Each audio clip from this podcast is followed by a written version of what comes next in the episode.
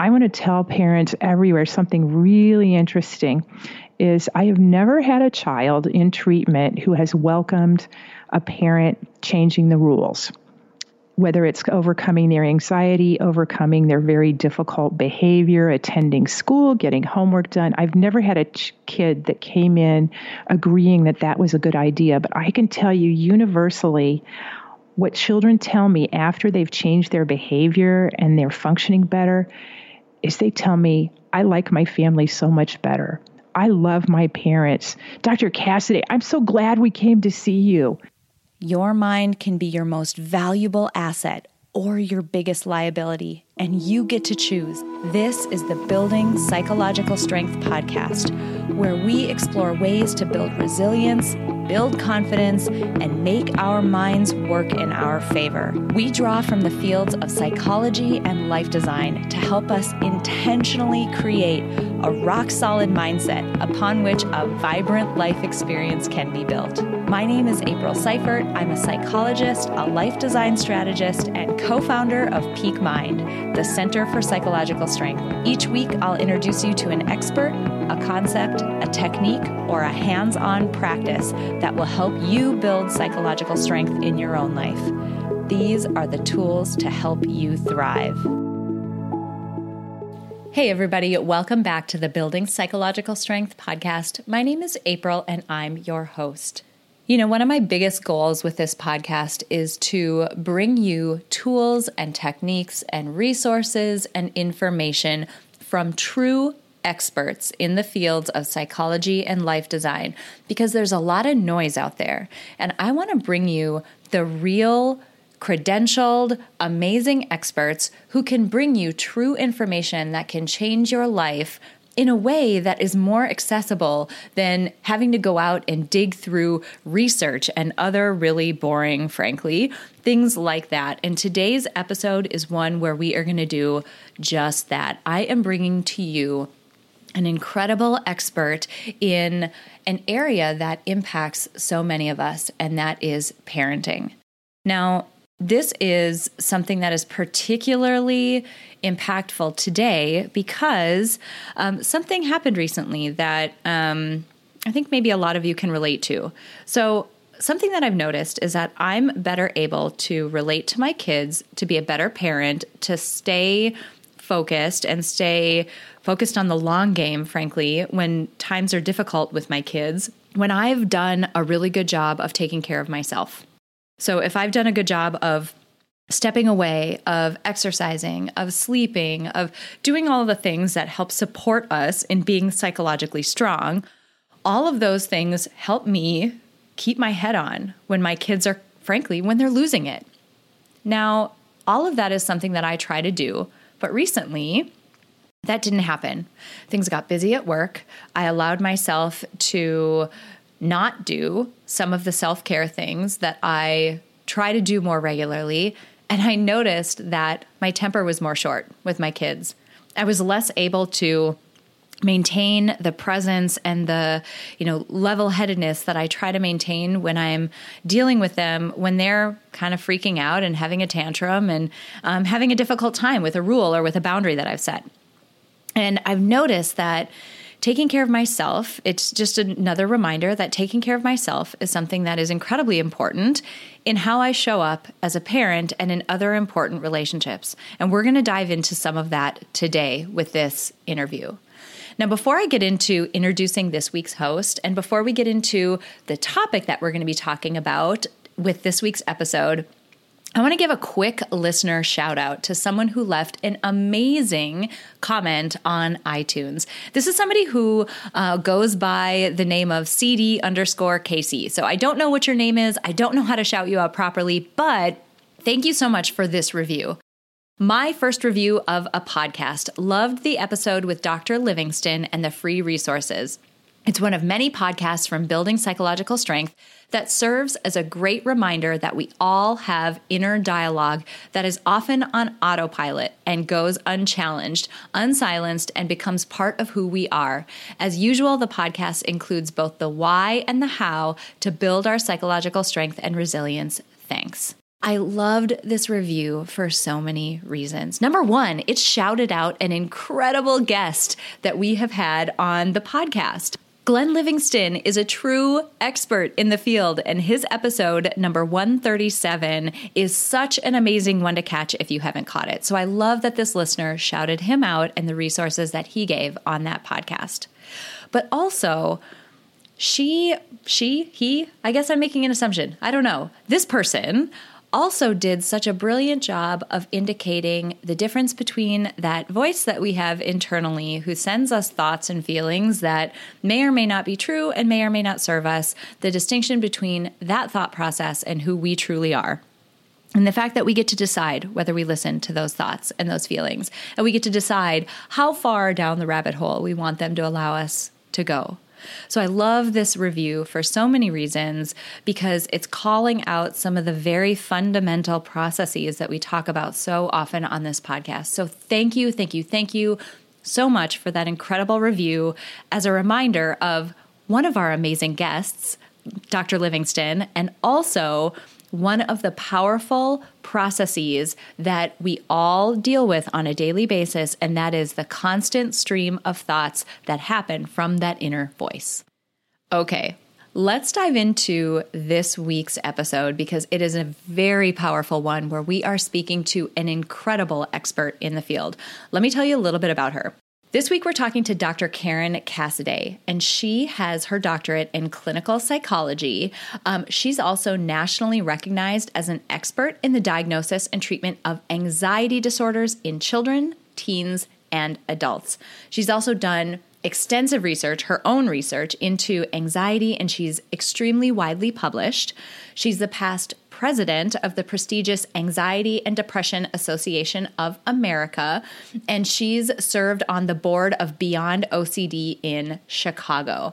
She has also been on the faculty of the International Obsessive Compulsive Foundation, Behavior Therapy Institute, so many other prestigious organizations. She's been featured on Animal Hoarders on TNT and NBC, NBC's Today Show. We have an incredible expert with us this week. I could keep going on because her accolades are seemingly unending. But what I want to say about uh, Dr. Cassiday is that she's one of those experts that has an ability to not only bring to us the true evidence based research and techniques that have been shown to actually work, and in this case, in the area of parenting, but she herself is a parent to five kids.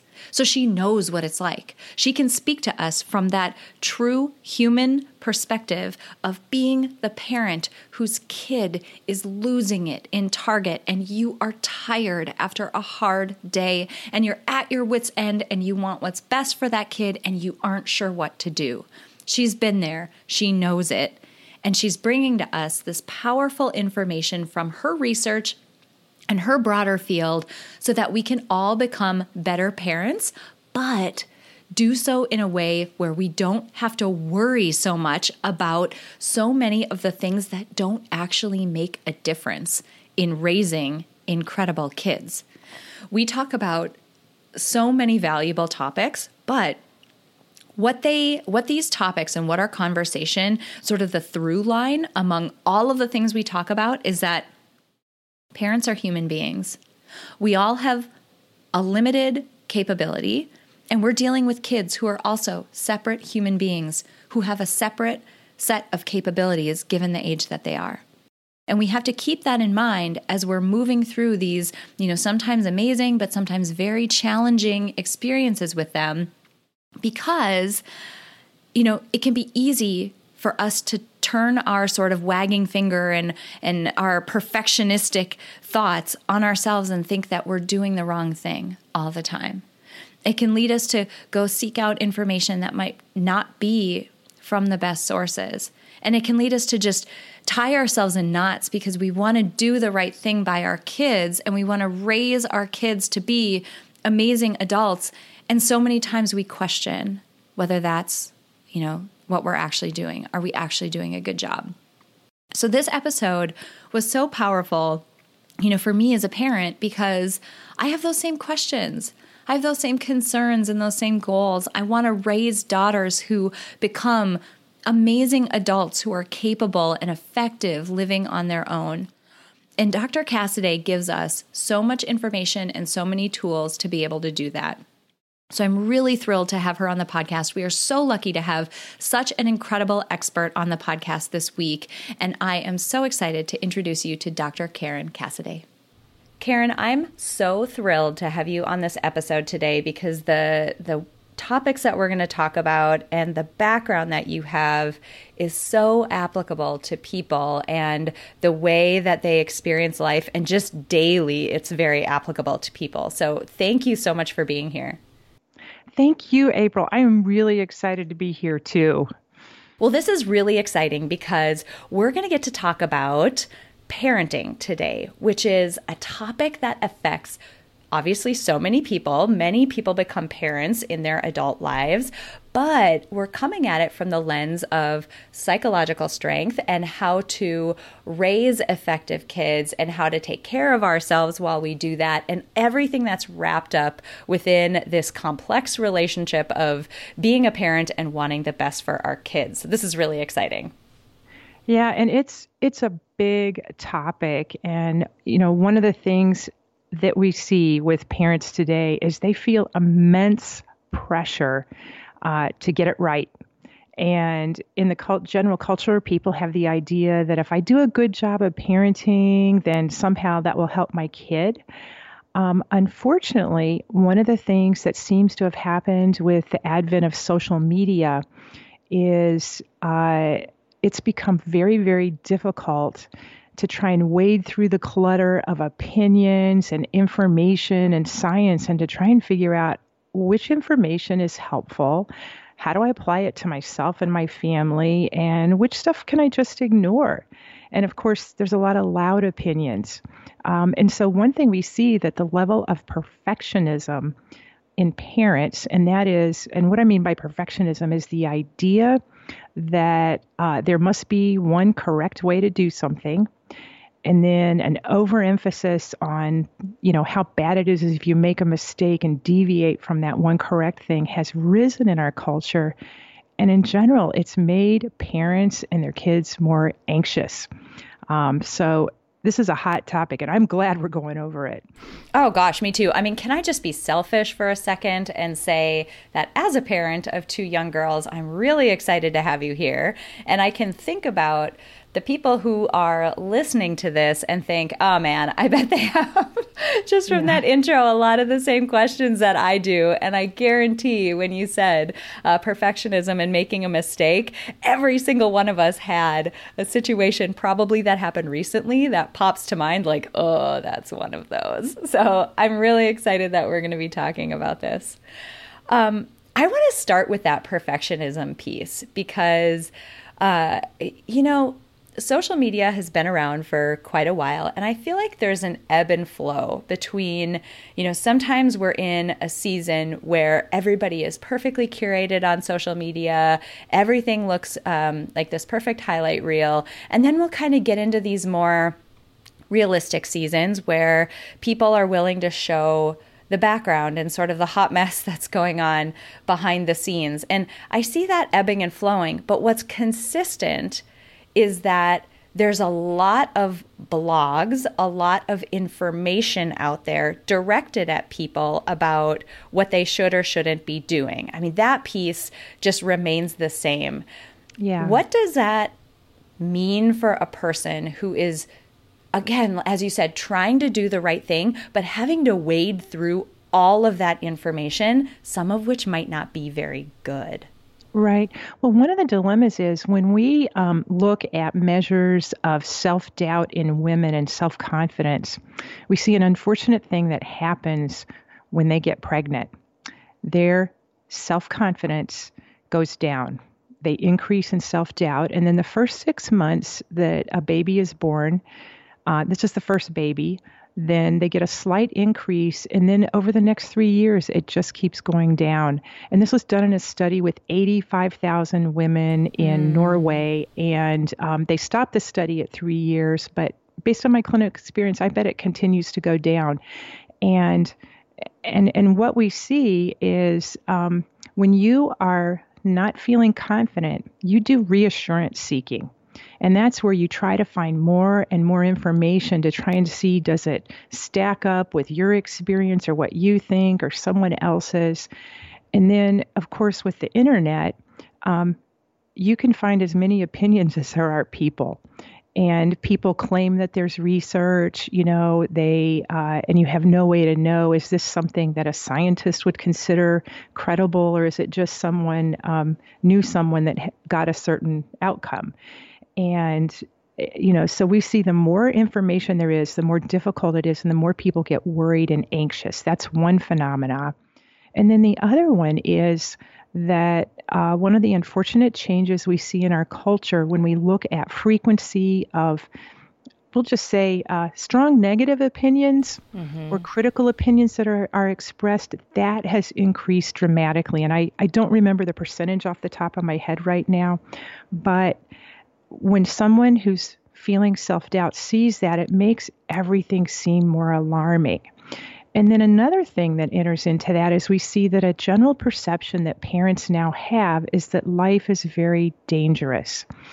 And so if you were to poll people, almost 90% of parents would tell you um, there's more danger, more likelihood of interpersonal violence directed toward my children, kidnapping, sexual assault, um, bullying, uh, you name it and and that's because of seeing media which you know focuses on the sensationalized negative story and then the reality is when you look at the actual statistics and this is where if you go to um, uh, Lenore Skenazy's website, she has all this data from the best reports on crime statistics. We see actually crime rates are the lowest they've been in 40 years. And so it's safer for our children to go outside and play unwatched now and to go in the alley and to go into the large public restroom without us than it was when we were kids. Um, but parents don't feel that way. And all of this puts pressure on parents because they feel like the stakes are really high. I've got to get it right. Um, I'll get a lot of criticism if I make a mistake. Uh, and then, you know, you add into that just parental love. Um, you know, I have uh, five kids, three I acquired through marriage, and I love them dearly, and I would love to be able to make sure things go well for them, even though rationally I know I I can provide a great environment, but I can't control the outcome. Mm, that I want to dig in right there.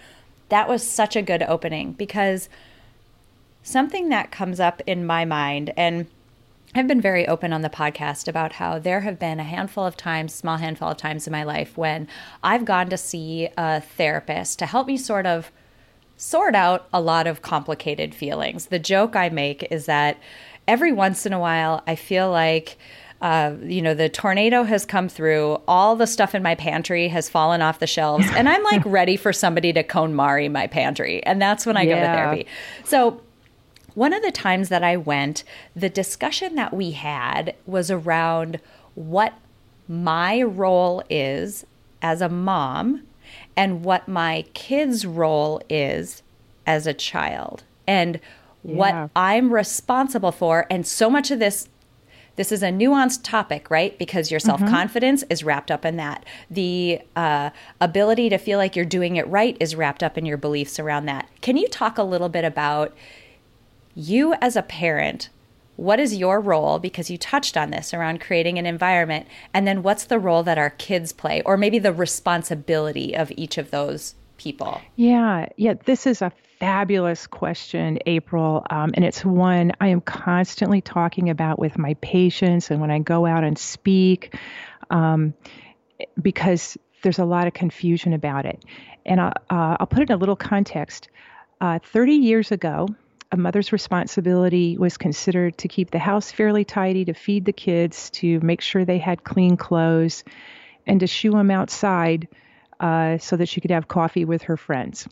And now, when we poll parents, the list is unbelievably long of and a lot of it includes I have to have a child that makes good grades, that does extracurriculars, that accumulates a good resume, that gets into a good college, so they then make a good income. And uh, and so that's a lot of pressure. And so the thing that we see from research that really ought to be a parent's job is to direct yourself self towards I need to raise a kid who becomes a competent adult and can live without me, um, whether they're disabled or whether they're the most highest functioning human being you have. And I need to think about what makes someone effective. And that's different than one of the current trends, which is I need to be friends with my child and have a very close, attached relationship where we enjoy mm. each other. Because if you think about the idea of discipline and creating deliberate boredom and deliberate uh, difficult situations so your child develops um, self worth and psychological strength, it means you're at odds with that kid.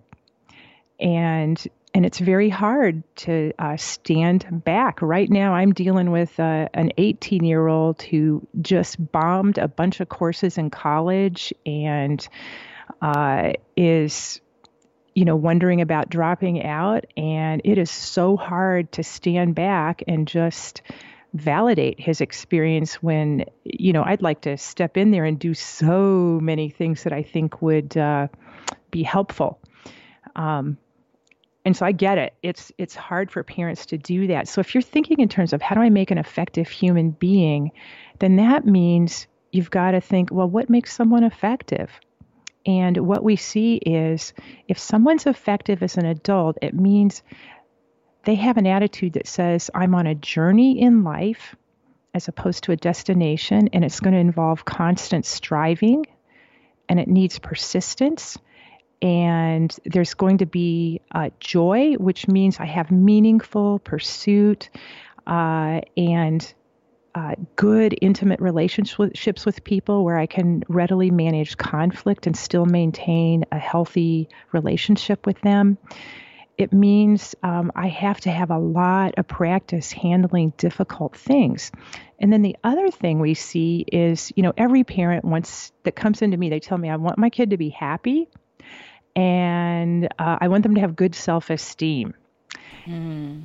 And inside, I cringe when I hear that and the reason I cringe is because happy is not a good goal. And we see actually um, kids in their early 30s and younger, I shouldn't say kids, young adults down to children, now feel immense pressure to be happy and then mistakenly think something's wrong if I'm feeling distressed, when actually they're feeling normal if they're tired and studying for exams, if they're mad at you because you put them in timeout, uh, if they don't like a teacher but they have to stay in that class for all of third grade. Um, and then self esteem is what we think of when is sort of the sum of your accomplishments. And really, what you want your kid to have is self worth, which says, I know I'm a person of good character and I have integrity, and I'm able to actually be the kind of person I admire even when it costs me.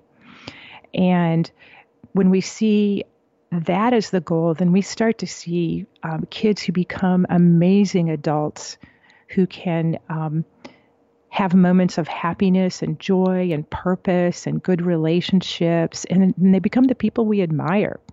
So we want parents to reorient the task to and accept that there's going to be conflict, there's going to be pain, there's going to be struggle, and I am going to have to put a sock in my mouth and sit on my hands to stand back as my kid learns how to struggle. That is so difficult, right? That's so difficult. And it, much of what you said, when you really think about what it looks like in practice, right? In mm-hmm. actual practice, day to day with a kid, it goes so contrary to what we hear in, um, you know, blogs and other things that you oh, would yeah. encounter on social media, right? Mm-hmm. We, I mean, you use the words deliberate boredom. Like there should be this massive amount of white space in the day that the child, not you, the mm-hmm. child has to navigate. And what's funny is those types of things, they almost they sneak up on you because I, I'm thinking back. So I have an almost four year old and I have a seven, almost 17 month old right now. Mm-hmm. So I'm yeah. not that far out of the very small baby stage. And thinking back to that stage, you really are very hands on, right? They need yeah. you to eat. They need you to clean them. They need you to, do, I mean, basically do everything. The transition from that to the point where my four year old is at, where she can do most things for herself, it's mm-hmm. subtle. And we don't realize, and I've had to, on the boredom, you know, side of things, I've had to legit think about no, you are not cruise director for these kids. the 17 month old is now able to open a drawer and get crayons out. She mm-hmm. knows where all of these things are. Like, stop orchestrating every moment of their day. But gosh, that's hard. And that's just one example. We haven't even scratched the surface of yeah. discipline and setting up boundaries and repercussions for people's actions. It's so hard to do. It, it, is. And one thing I think that, you know, is tough for parents is, um, you know, for most of us, when we have that infant that first year, it feels amazing to be the person who is able to make your child smile and giggle with delight and and it really is your job to take care of all their needs. But as soon as your child can point and grunt and start to indicate their needs, we should begin a process of gradual stepping back and encouraging this child to do things on their own. And so, for many parents, it feels like a loss of closeness. Um, you know when they're they're not helping so much because it feels so powerful and so loving and giving to you know make things be taken care of so easily and then obviously as kid gets kids get older i've seen this happen in the grocery store and in my office so many times where a kid is whining and complaining and the parent finally goes i've had it. Okay here's that candy bar or here's the phone.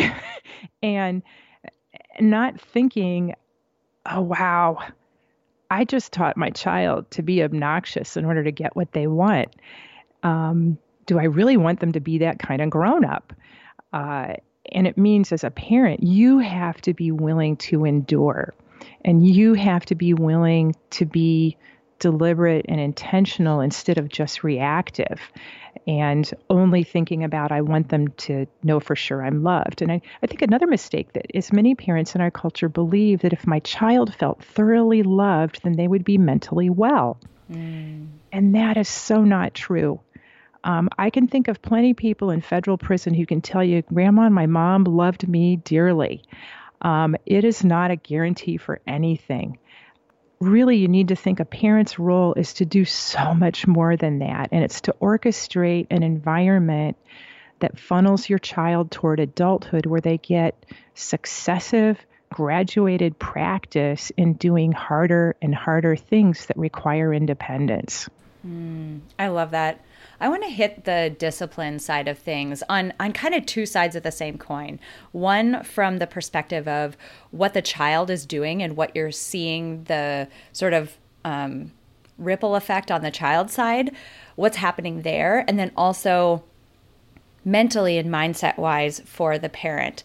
I'm thinking back to my days in uh, school where we would learn about behavior modification. And mm-hmm. it's interesting because um, it's not something that a lot of people have learned about from sort of an academic standpoint, people learn. I mean, maybe they can think about the whole salivating dog thing or, um, you know, chaining certain um, behaviors together or things like that. But on the discipline side with kids, one thing that I've noticed just with, I mean, interacting with other parents of kids similar to the ages of mine who maybe haven't had as big of a background in this is something happens and you're you're not going to give the kid the thing that they want right and mm-hmm. so they obviously they go from 0 to 60 and kick and scream and throw a fit right yeah there's yeah. let's just say that that goes from a 0 to a 7 on a scale of severity of wow they're really losing mm-hmm. it right now yeah what i don't think people get is that if you give in and give them that thing or later on, if for some reason they don't get the outcome that they expected, so maybe they got it last time and now you're not giving them this time, that behavior can ramp up because what mm-hmm. that kid is expecting is, oh, shoot, a seven didn't get me there this time. Let's try a nine. And yeah. what I see people, and do, I'm curious to see if you've heard this or seen this in your work, where they look at that and say, see, I tried this thing. I'm not giving it to them and it's not working because their behavior's getting worse. When in yeah. reality, all they're doing is they're trying to see, okay, well, this isn't where the boundary was. Is it here now? Like they're trying to figure out what the threshold is. I'm curious about your experience with that with people you've worked with. Yeah, actually, I'd say this is an extremely common problem. Um, the name for this in science is called the extinction burst, and we um, we try to teach parents about it. And the idea is that if you change the rules on your kid and you're saying, okay, when we're in the grocery store, you can't just grab stuff in the checkout aisle or you know, you're going to have to sit quietly uh, here while we're in church and uh, just deal with it. Uh, that when you change it and and say, okay, now I'm really going to enforce this rule, any smart kid, whether they realize it or not, is going to ramp up what they're going to do to see do you really mean it? And this is actually the sign of success. It's telling the parent, whoa, you're on to something. This kid has noticed that you've changed the rules. And and the mistake that parents make is to confuse that with, uh, oh wow, now I made things really bad, as opposed to realizing, hey, my kid just noticed I changed the rules. Mm-hmm. Um, and and then the other thing we see is that if you can stick with it after that the kid goes up and escalates their behavior, then usually it's going to sharply drop if you just hang in there. And pretty quickly after that, the behavior will start decreasing overall. But it means you've got to be ready and willing to endure that burst of increased bad behavior and, and realize animals do this toddlers do this, teenagers do this, grown-ups do this. It's just our instinctive natural response when the rules change. You know, think about it this way. You press the button for the elevator and it isn't there and then you press press press press press. Um, that is the same kind of behavior, even though you know you already told it the elevator, you know, took the car to come to your floor. And uh, you know, and that's a tough thing. And then I think the other thing that parents have to be ready to remember is kids are not grown ups.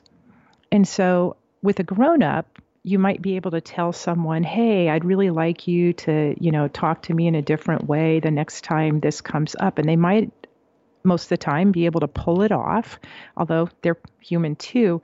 But kids are not that way, um, and and so you really have to remember um, reasoning with them doesn't have the same effect or impact. We really have to show them. And what I tell parents is we learn best by seeing and doing.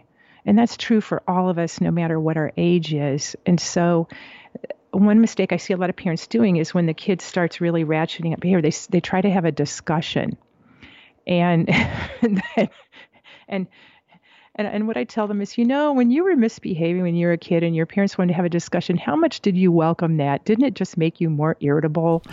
and and because I like I hated it when my dad said we're going to talk, um, the talk, uh, and that you need to just let things happen and stick to your guns.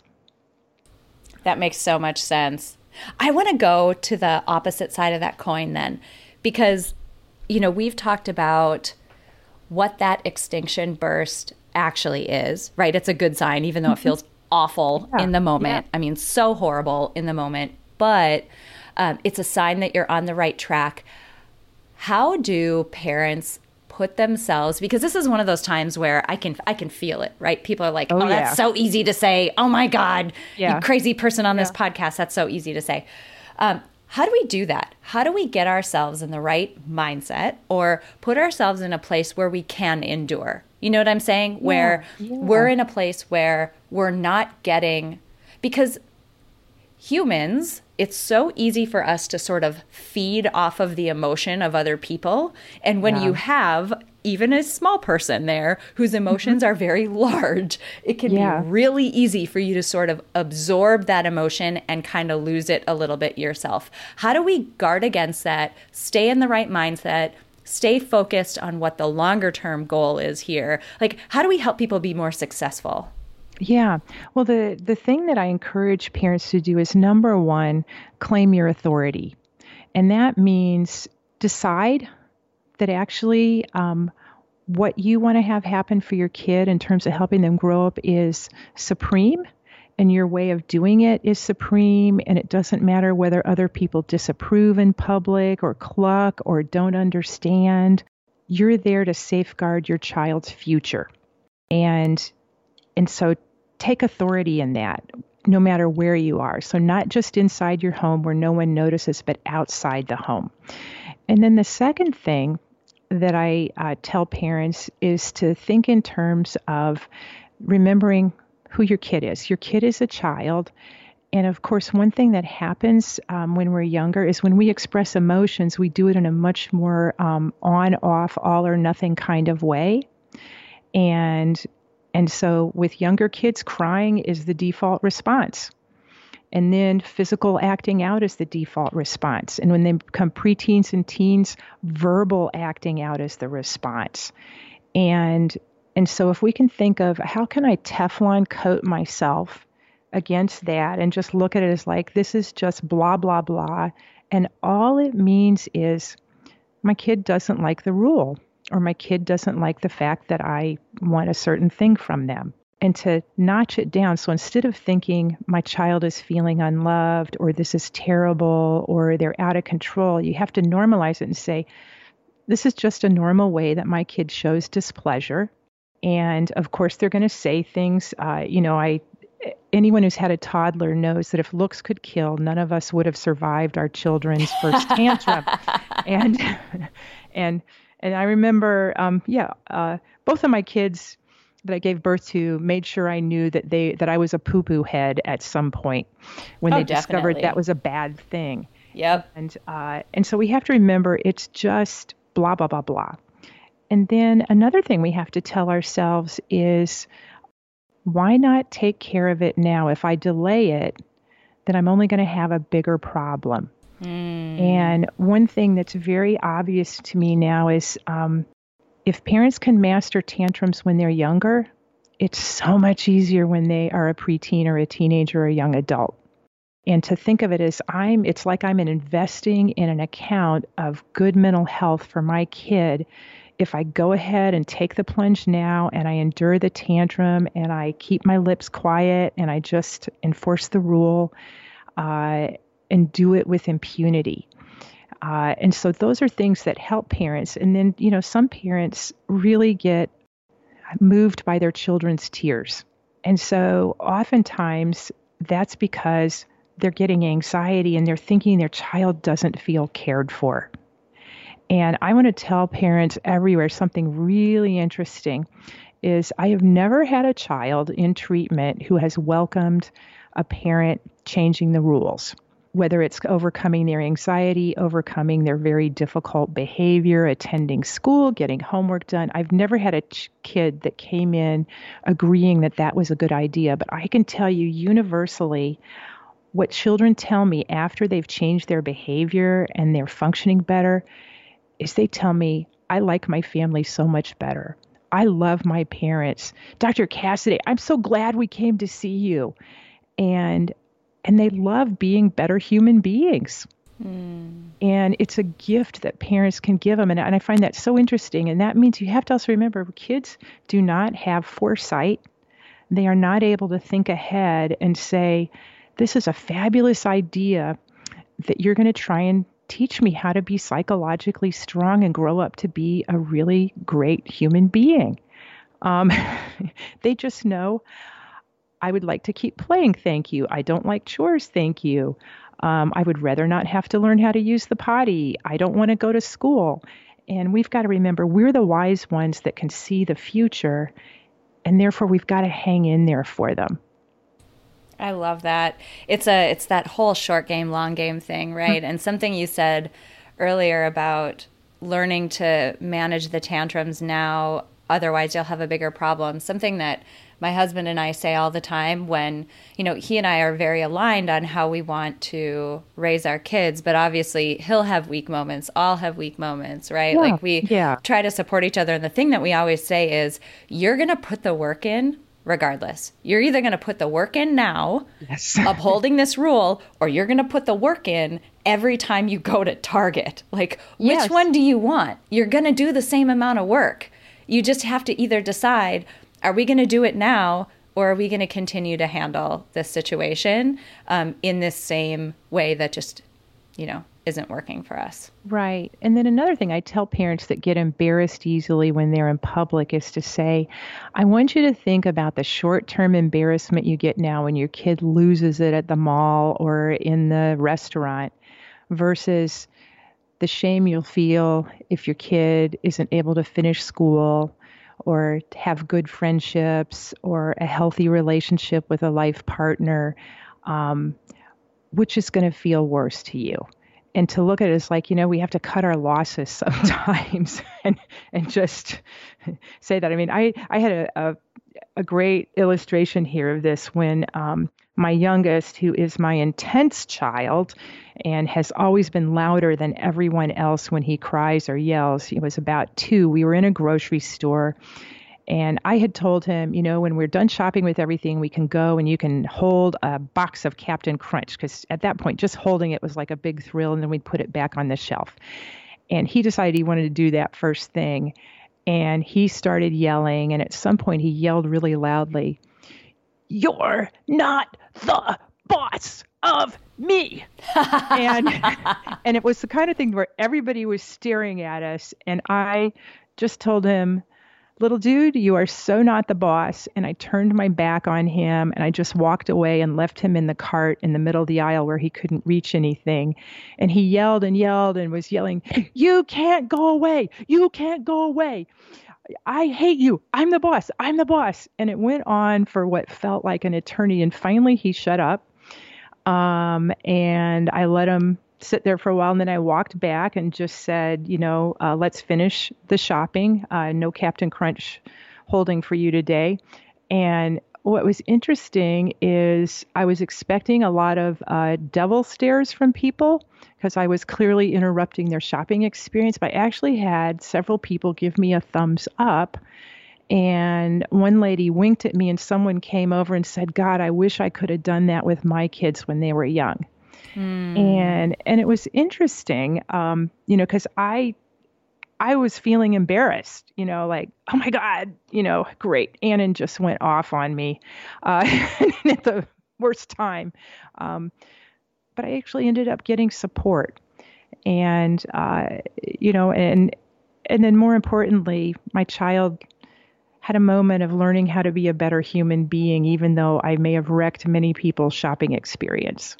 What I love about that example is number one, everyone who's a parent has that example where regardless i mean how does it that it always happens in target or the grocery store or something Yeah. but um, every totally everybody has that example so it's very relatable but there are some things that you mentioned that i wish we could normalize and i wish um, we could help people understand that not engaging with your child, not feeling like you have to reply to everything that they're saying, it isn't being rude. It's not, um, you know, discounting their feelings. It's not any of those things. It's almost like a natural that helping them learn that there will be natural social repercussions for certain types of behaviors like if they scream at their friends you know as they get older their friends aren't going to want to play with them. There's going to be natural social repercussions Yes. um, that are so hard to keep in mind in that moment. Um, yeah.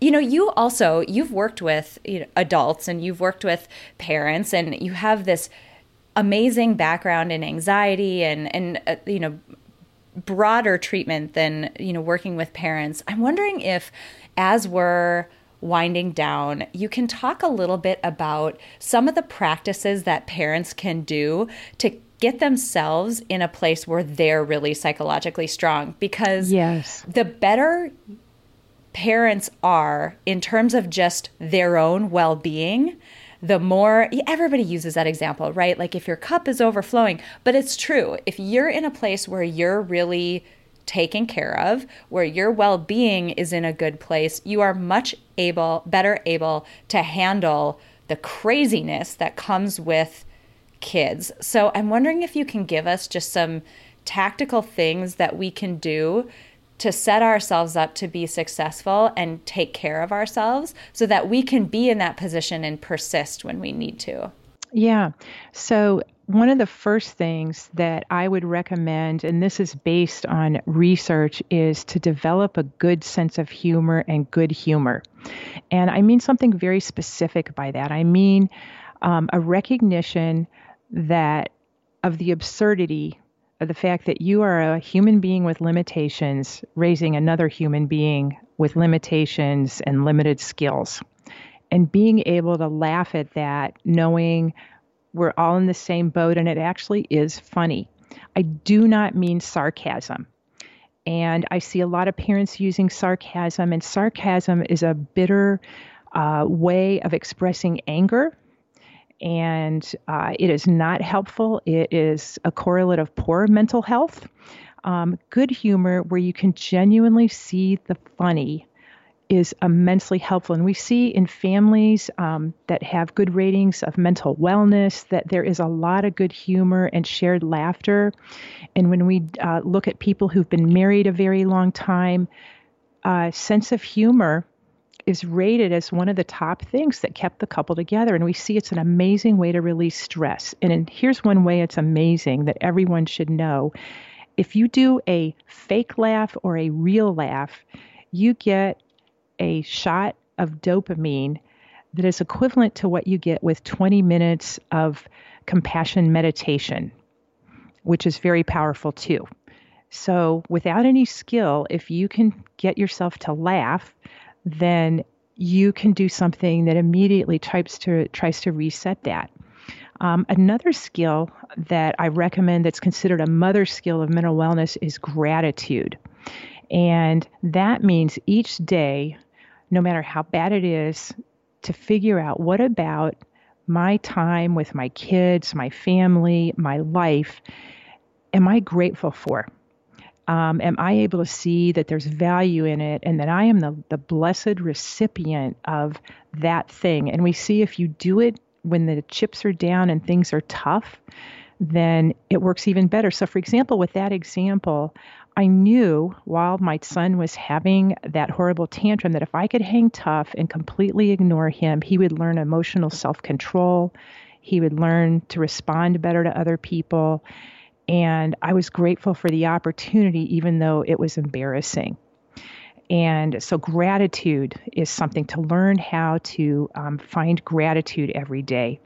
And then another thing that I would recommend is that uh, that parents figure out okay, what are the skills I need to cultivate that I don't have, and to be willing to use resources um, instead of feeling like I've got to do it all myself or I've got to be the expert. Because uh, what we see is that every parent has ages and stages of their child that they just do better at, or or one of their kids that they just, excuse me, relate to better, just because of their personality. And and what we see is if you're really going to be a great parent, your skills have to constantly and change and adapt to the child. And that means being willing to learn um, if something isn't working, then have the humility to go and get help and to realize there is no shame. None of us came with instructions when we were born, and our kids certainly didn't. And as a professional, the real secret to working with kids isn't that one strategy fits all. It's that I know how to adapt a toolkit of strategies to a family or a child that um, most parents don't have. And so mm. that would be another thing that would really, I think, help improve parents' confidence if they realize there's no shame in needing help. And of course, they're going to need help. And to be willing to do something until it works better for their kid and their family. That's so helpful. Those are so actionable. It's funny because we talk about gratitude so much on this podcast, but the reason why it comes up is because it's so helpful and it's so yes. useful. Um, it's one of those small things that you do that people think this can't possibly be having as big of an impact as it is, but it really does. Um, it's enormous. And one of the things we see in um, families that are functioning well and in marriages that are functioning well is that there's a lot of appreciation expressed to each other and a lot of affirmation. And the only way you can do that is if you're experiencing gratitude and have taught yourself to view those people that way as opposed to competitors for resources. Mm. One tip that I, I heard from a, a good friend of mine, she mentioned this as we were chatting one day about you know something kind of unrelated, but it was really helpful in those difficult times that you mentioned, mm-hmm. you know, mm-hmm. trying to figure out what you're grateful for even when times are hard. Her point was if you're having a tough time, think about if you woke up tomorrow and the only things that you had left in your life were the things that you were grateful for today. Like, what if it was all gone? Like, mm-hmm. everything that you're not grateful for right at this moment, my mind immediately goes to some very specific places like, oh my gosh, I can't imagine if I lost yeah. these particular things. And yeah. that has made it so much easier for me on days where I'm very stressed out, days where I'm completely distracted, days where, you know, just mentally I'm having a hard time focusing.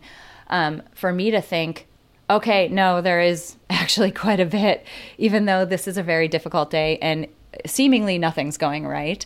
Um, there's a lot that I am actually grateful for and to actually feel the gratitude behind it, not just say those empty words. Yes, yes. And, you know, and, and you're, you're reminding me of something um, which is really important that we see that people who have great resilience and, uh, you know, psychological strength are people that view adversity whether it's all your kids clamoring for your attention at once or the tantrum in public or the kid who fails uh, you know their finals um, they view it as an opportunity for growth and as a challenge to be overcome as opposed to an obstacle. And and gratitude is something that can help you you know fine tune that view of opportunity. Uh, you know, so one thing that I love having families do uh, that, you know, when you have kids that uh, can write, is to have a family gratitude journal where you keep it in the car or the bathroom, you know, someplace where everyone has to be. And the goal is to have everybody write in it every day. And then the rule is it has to be something about that day. Uh, and and then if it's a bad day, then you have to write find something to write down about whatever was a bad thing. Uh, and I found it can be really um, moving and bring people closer because uh, they start discovering the world through the eyes of their child and see what really matters to them or through their parents. Um, I've found a lot of times with preteens and teens, this can really help uh, thaw out a you know sort of family conflict situation. Uh, and then the other thing that I've um, done with my family is uh, part of what we do at Family Grace at dinners is everyone has to say one thing they're grateful for about that day. And uh, for years, I was wondering, is this having any, you know, good impact on my kids? Uh, you know, it's supposed to. And uh, I had one of my kids in the hospital uh, he was extremely sick and they couldn't get an IV in because he was so dehydrated and he was 11 at the time. And it turned out everybody was poking him and finally they brought in like the intensive care pediatric nurse or whatever and she told him, you know, well, we're either going to have to go into your neck or your foot. And he's like, uh, if we can't get it one last uh, time in this other place. And he goes, go for it. And I was expecting him to just use very colorful words, but they got it in. And as soon as the team left, I was expecting him to just let loose with anger toward me about this situation. Instead, he turned to me and goes, Mom, I am so glad they got it in my neck because that would have been so hard to pee if I had an IV in my foot. and and and I had been feeling tragic about it, like, oh my God, my poor kid, this is terrible. I was trying not to cry, and he and him saying that made me go like, you are so right. That is amazing. And then I was just so pleased at his strength um, that he exhibited in a really horrible time that made it better for both of us. Right. I mean, you think about what that gratitude journal or a daily gratitude practice is doing. It's uh, the thing I joke about on this podcast a lot is that our minds are really powerful, but they're not that sophisticated. They just kind of run on some habits a lot of the time. And yeah. you can trick them into doing the right thing by just introducing this new habit, at some point, your unsophisticated mind will say, okay, whatever, she's going to make me look for something that I'm grateful for today. I might as well start looking right mm-hmm. now. And yes. you've trained it to focus on something different, and your life looks different when your Absolutely. mind is focused on things it's grateful for or finding meaning in awful situations, even yes. when the situation is terrible. Right, right. This has been so amazing. Um, before I let you go, and I you you gave such a great introduction to it. I'm I'm struggling with whether I should even ask you this question, but I feel like I'm going to because we've had such a great discussion. I would love for to hear what the way that you think about psychological strength, whether it's from the perspective of a child, whether it's from the perspective of a parent, I don't care. Take some liberties, go whichever direction that you feel, you know, compelled to go. But I would love to hear what psychological strength means to you in the context of the work that you do. Yeah, I'll, I'll talk about kids because probably people hear this less than they do about adults.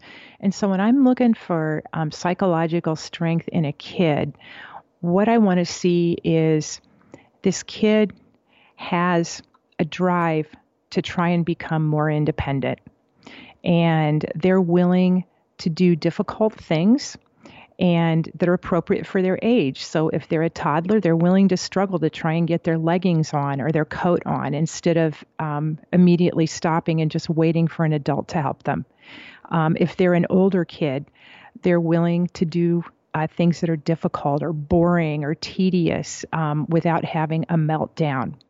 I want to see a kid who can laugh easily and laugh at himself or herself and find the funny in life and where they aren't taking everything as you know super serious. And i also want to see a kid who's comfortable making mistakes and failing.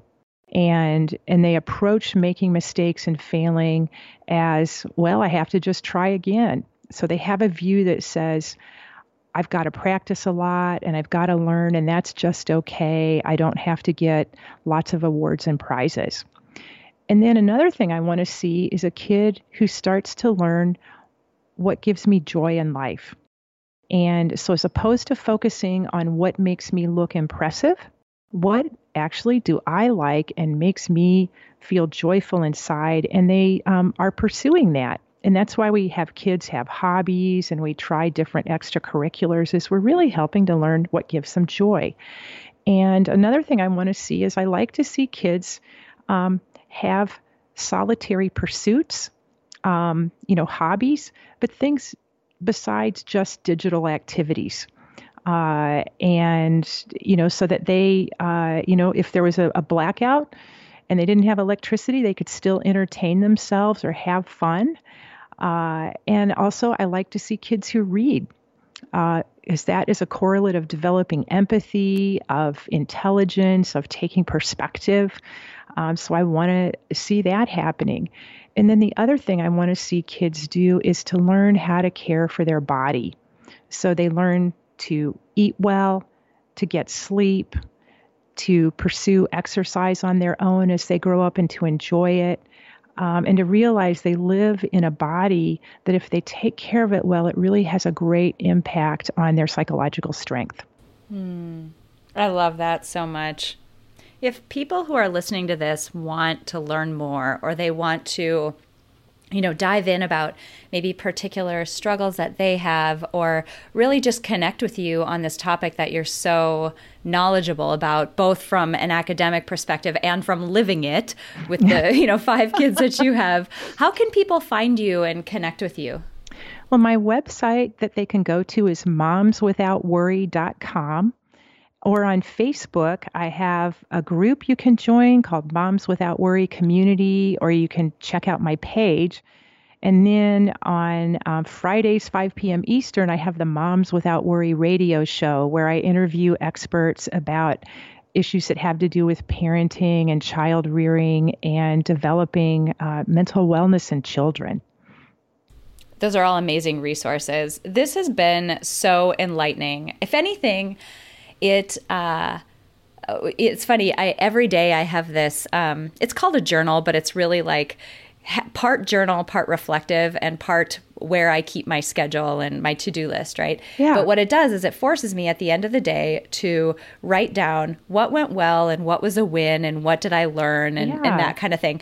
And almost I bet more than three times a week. One of the things that I write down that I learned or that I need to keep in mind is you are a human being. You can yes. do a human being's worth of stuff. Mm-hmm. And that does not mean everything. And that does not mean perfection. And what I loved about our conversation is there was so much around that topic that you cannot be everything to those little people. Right. You're an important part, but you are not everything. And you don't have to be perfect. And you're a human with your own, you know, needs and, um, you know, desires and things like that. And you can keep those in mind as you're, you know, raising these incredible kids to be great adults. So I've really enjoyed this. I learned a ton that I can apply with my kids, and I just appreciate you being here and sharing your expertise with us. Oh, thank you, April. Um, this was really fun, and this is such a great topic to talk about because, uh, you know, we all have been kids, and many of us will be parents, and we all want to do justice to our children. Thank you so much. It's a simple fact that nearly everyone in the world could benefit from building psychological strength. But not everyone will put in the time and effort to do so. But today you did. Thank you so much for listening to this episode of Building Psychological Strength. Now, if you're interested, BetMGM has an unreal deal for sports fans in Virginia. Turn $5 into $150 instantly when you place your first wager at BetMGM. Simply download the BetMGM app and sign up using code Champion150. Then, place a $5 wager on any sport. You'll receive $150 in bonus bets, regardless of your wager's outcome. And if you think the fun stops there, the King of Sportsbooks has plenty of surprises in store. Check out daily promotions, same game parlays, live bets, and so much more. Download the app in Virginia today and get $150 in bonus bets instantly from your first wager only at BetMGM. BetMGM and GameSense remind you to play responsibly. See BetMGM.com for terms. 21 plus only, Virginia only. New customer offer, subject to eligibility requirements. Rewards are non withdrawable bonus bets that expire in seven days. Please gamble responsibly. Gambling problem? Call 1 800 Gambler. Promotional offer not available in Washington, D.C.